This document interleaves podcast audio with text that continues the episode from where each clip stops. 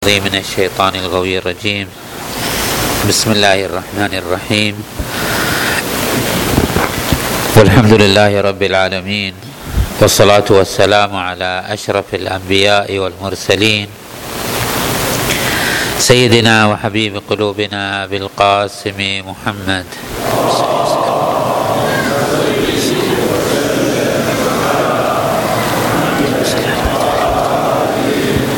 وعلى آل بيته الطيبين الطاهرين المعصومين الميامين. اللهم صل اللهم صل على محمد سيد المرسلين وخاتم النبيين وحجة رب العالمين. المنتجب في الميثاق المصطفى في الظلال. المطهر من كل آفة البري من كل عيب. المؤمل للنجاة والمرتجى للشفاعة. المفوض إليه دين الله. اللهم شرف بنيانه وعظم برهانه. وافلج حجته وارفع درجته وأضع نوره. وبيض وجهه وأعطه الفضل والفضيلة والمنزلة والوسيلة والدرجة الرفيعة. وابعثه اللهم مقاما محمودا. يغبطه به الأولون والآخرون. اللهم وصل على محمد وآل محمد. الأوصياء الراضين المرضيين بأفضل صلواتك. وبارك عليهم بأفضل بركاتك. والسلام عليهم وعلى أرواحهم وأجسادهم. ورحمة الله وبركاته. ثم السلام عليكم أيها المؤمنون جميعا ورحمة الله وبركاته. قال عز من قائل في محكم كتابه الكريم على لسان نبينا يوسف عليه أفضل الصلاه على نبينا وآله وعليه أفضل الصلاة والسلام. قال عز وجل على لسان يوسف إني تركت ملة قوم لا يؤمنون بالله وهم بالآخرة هم كافرون. واتبعت ملة آبائي إبراهيم وإسحاق ويعقوب. ما كان لنا أن نشرك بالله من شيء. ذلك فضل الله علينا وعلى الناس. ولكن أكثر الناس لا يشكرون. صدق الله العلي العظيم. تكلمنا في الأسبوع السابق عن موقعية الهوية الإسلامية في بناء سعادة الإنسان سعادة الإنسان المسلم في بناء الأمة الإسلامية في مسيرتها وحياتها. وقلنا أن الهوية ليس مجرد هذا الائتلام والاجتماع الشكلي الذي يتحقق في أي منطقة جغرافية أو في أي حافلة أو في أي طائرة أو في أي تجمع مطلقا وإنما ذلك التجمع الذي يتخلق في اعماقه آه، أسباب الوحدة والتماسك والائتلاف العميق الذي يحقق هوية جامعة تحدد مسير هذا التجمع مسير هذه الأمة مسير هذه الطائفة مسير صاحب هذه الهوية. ويمكننا في هذه العجالة أن نشير إلى مجموعة نقاط فيما يرتبط ببناء الهوية الصحيحة القويمة. اولا أن نشير إلى أنه في واقعنا الإنساني اليوم هناك تجمعات إنسانية تتوحد في هوية ولكن هذه الهوية ذات أنحاء وأشكال. من الواضح لدينا أن هناك تجمعات تجمعها العرق مثلا هويتها في عرقها في وحدة أصولها آه، الوراثية الأبوية.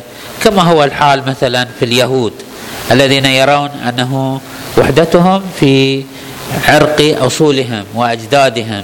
من خلال تحليلات اليوم مثلا دي ان اي يستطيعون أن يميزون من هو يهودي ومن هو ليس بيهودي من خلال تسلسل أجداده وآبائه.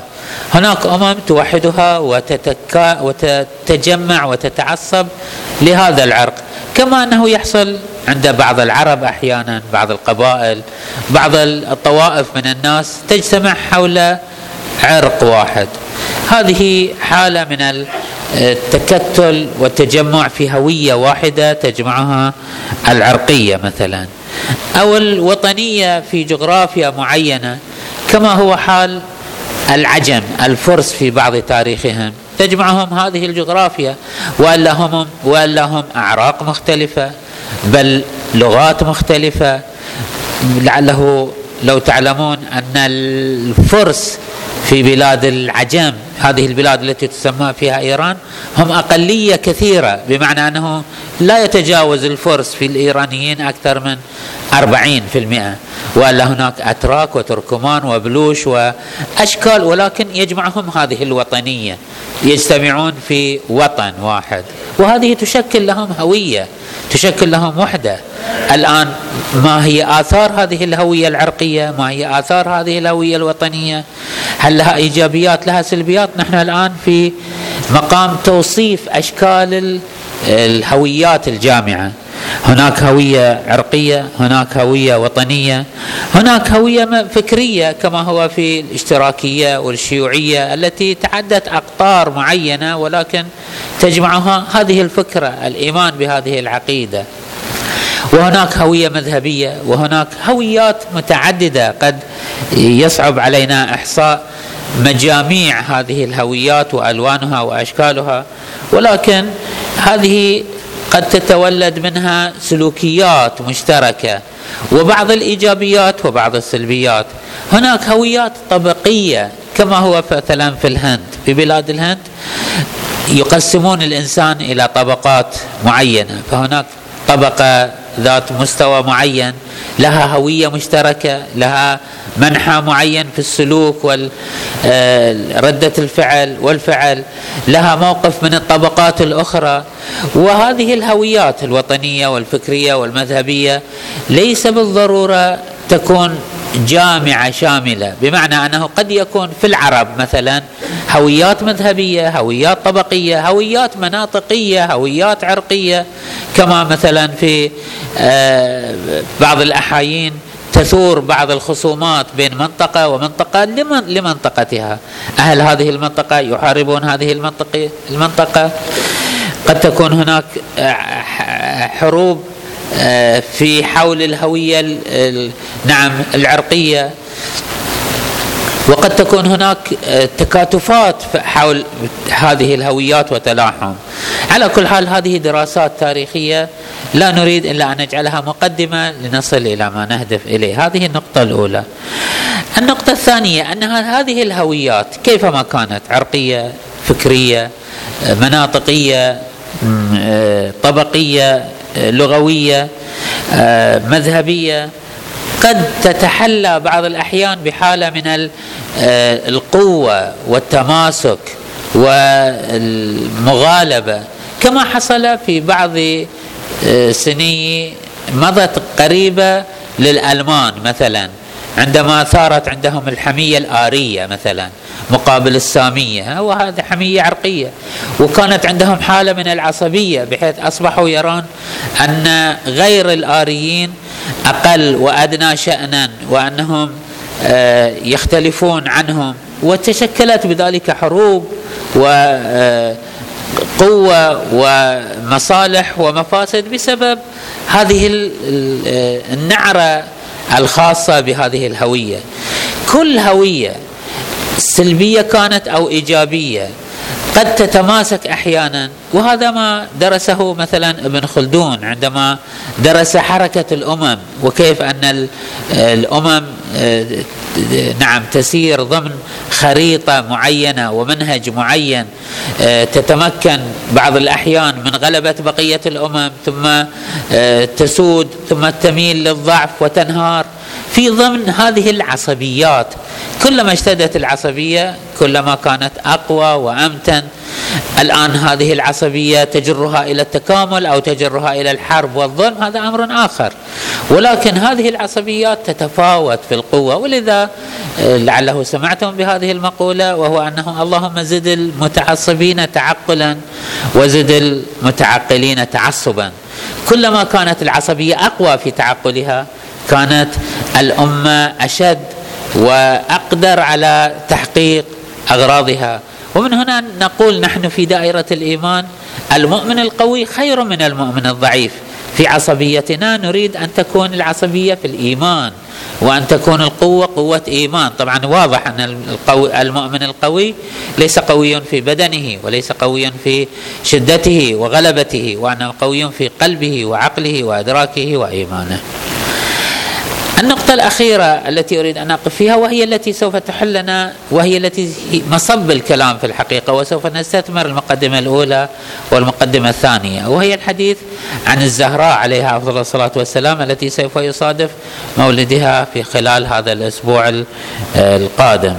ولكي لا نطيل الحديث ننطلق في حديثنا عن الزهراء عليها أفضل الصلاة والسلام التي مثلت نموذج في غاية الإبداع والوضوح والجلاء في تحقيق الهوية التي كانت تؤمن بها وتعمل في سبيلها.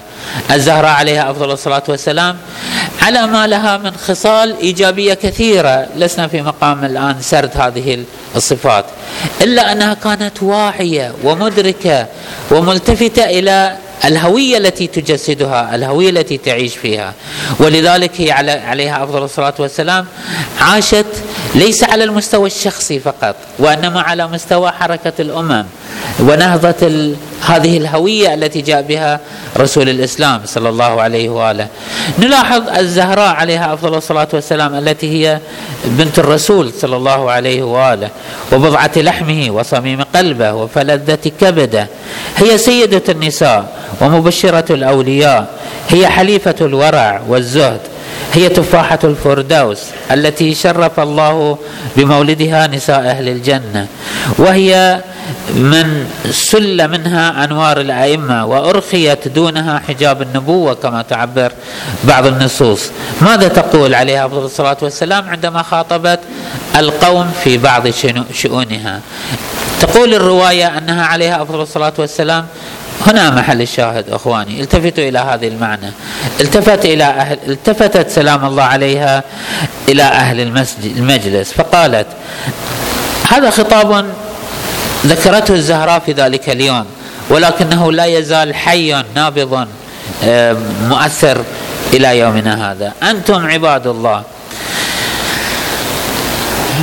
نصب أمره ونهيه يعني التوجيهات الإلهية والأمر والنهي لكم أنتم لا للدواب لا للملائكة لا لغيركم من الموجودات. أنتم عباد الله نصب أمره ونهيه وحملة دينه ووحيه. أنتم محل ثقة الله وأنتم محل النظر الإلهي.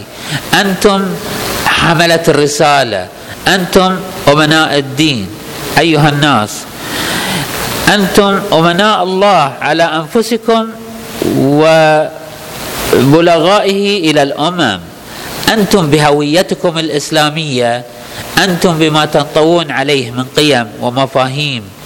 هويتكم ليست هوية وطنية وليست هوية قومية وليست هوية لغوية. لا يجمعنا أحبتي كل هذه الأمور على أنها تساهم في بناء هذه الهوية. ولكن هويتنا أعمق هويتنا هذه القيم.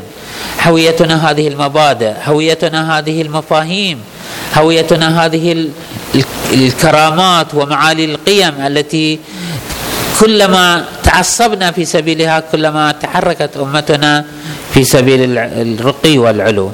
أنتم حملة دين الله ووحيه. أنتم أمناء الله على أنفسكم وبلغائه إلى الأمم.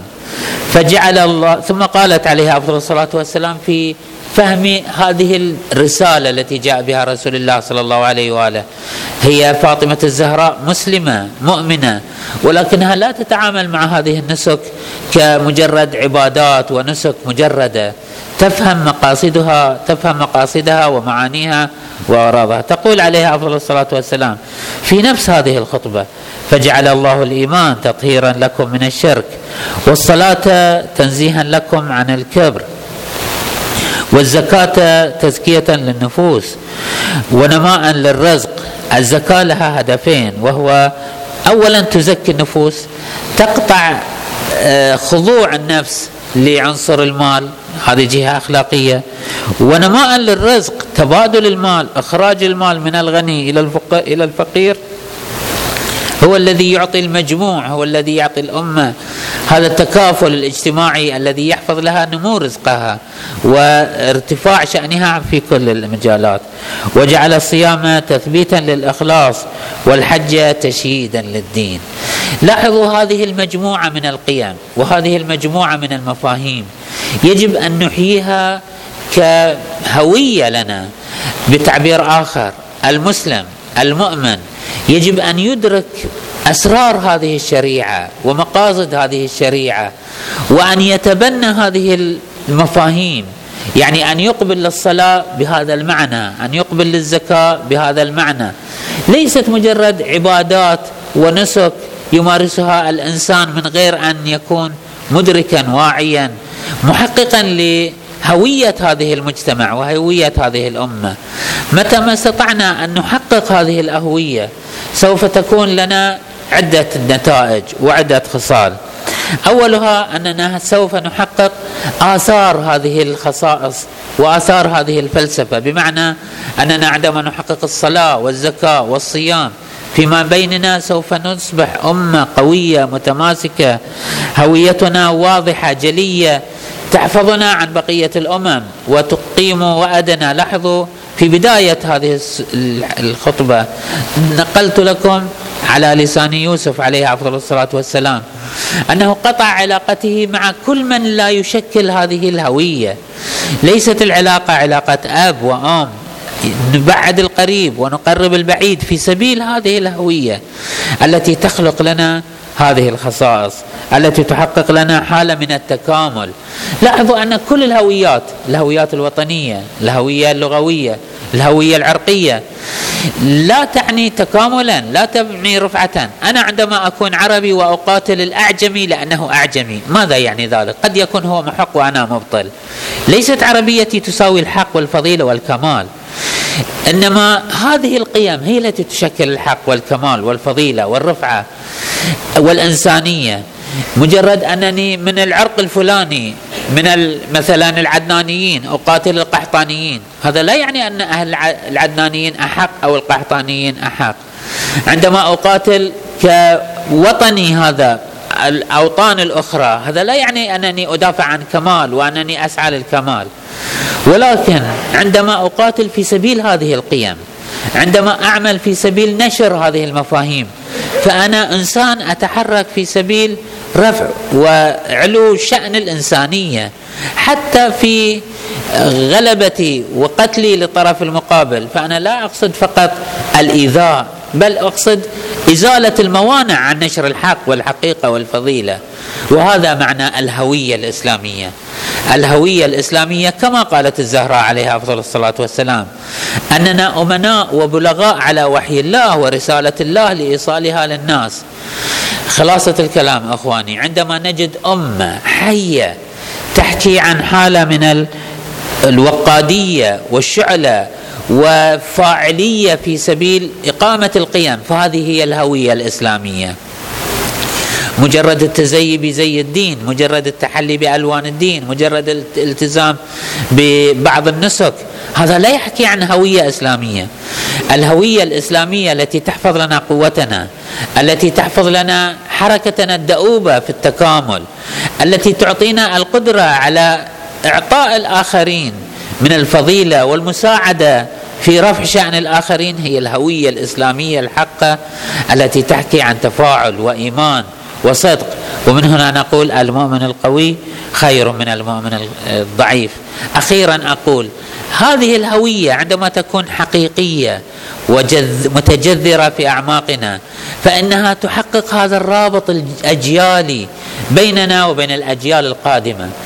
عندما نكتفي بإيراث بعض بتوريث بعض النسك وبعض الآداب فإنه من السهولة أن تغزونا الأفكار وما أشرت له في الخطبة السابقة من سلوكيات مختلة لأننا في الحقيقة لا نورث ولا نزرع الهوية الصحيحة وإنما نزرع ظواهر معينة جوفاء خالية كالجرة الخالية.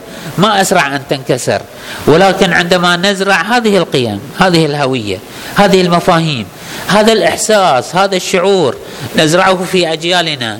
حين ذاك مهما تغيرت الظروف ومهما تقدمت الظروف ومهما دخلت علينا من شكليات فإنها سوف تتأقلم بالنتيجة مع هذه الهوية. بمعنى أن هذه الهوية لا تمانع لاحظوا هذا المعنى وهذا أكتفي بالحديث. هويتنا الإسلامية لا تتعارض مع اللغات الأخرى لا تتعارض مع لا تتعارض مع الثقافات الأخرى لا تتعارض مع الأوطان الأخرى لا تت... فهي هوية أممية. ندعو إلى القيم ندعو إلى المبادئ. وكذا لا تتعارض مع ما يستجد من أشياء. لعله آباؤنا قبل خمسين سنة مئة سنة كانوا يعيشون ظروف معينة.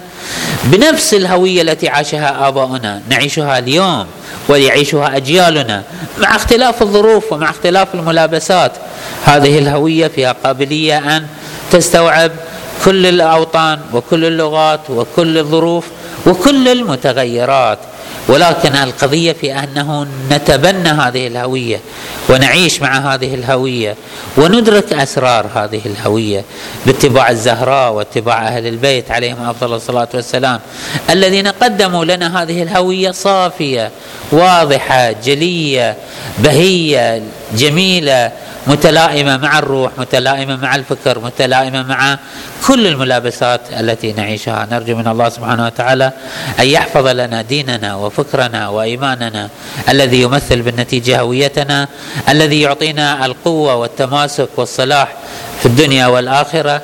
ويحفظ لنا تماسكنا الجيلي كما أننا ورثنا من آبائنا هذه الآداب وهذه الأخلاقيات وهذه الممارسات وهذه السلوكيات من خلال ممارستنا لهذه القيم وهذه المبادئ وهذه الهوية أن نورثها صافية واضحة جلية. وهذه مهمتنا وهذه وظيفتنا الأساسية اليوم. الوظيفة الواجب الأساسي اليوم هو أن نحافظ على هذه الهوية لأجيالنا لفتياتنا لأبنائنا. نورثها في أعماقهم نزرعها في أنفسهم. وأن لا ندع هذه الهوية تهتز من خلال الاهتزاز بهذه الشكليات وهذه التطورات. والحمد لله رب العالمين وصلى الله على محمد وأهل بيته الطيبين الطاهرين.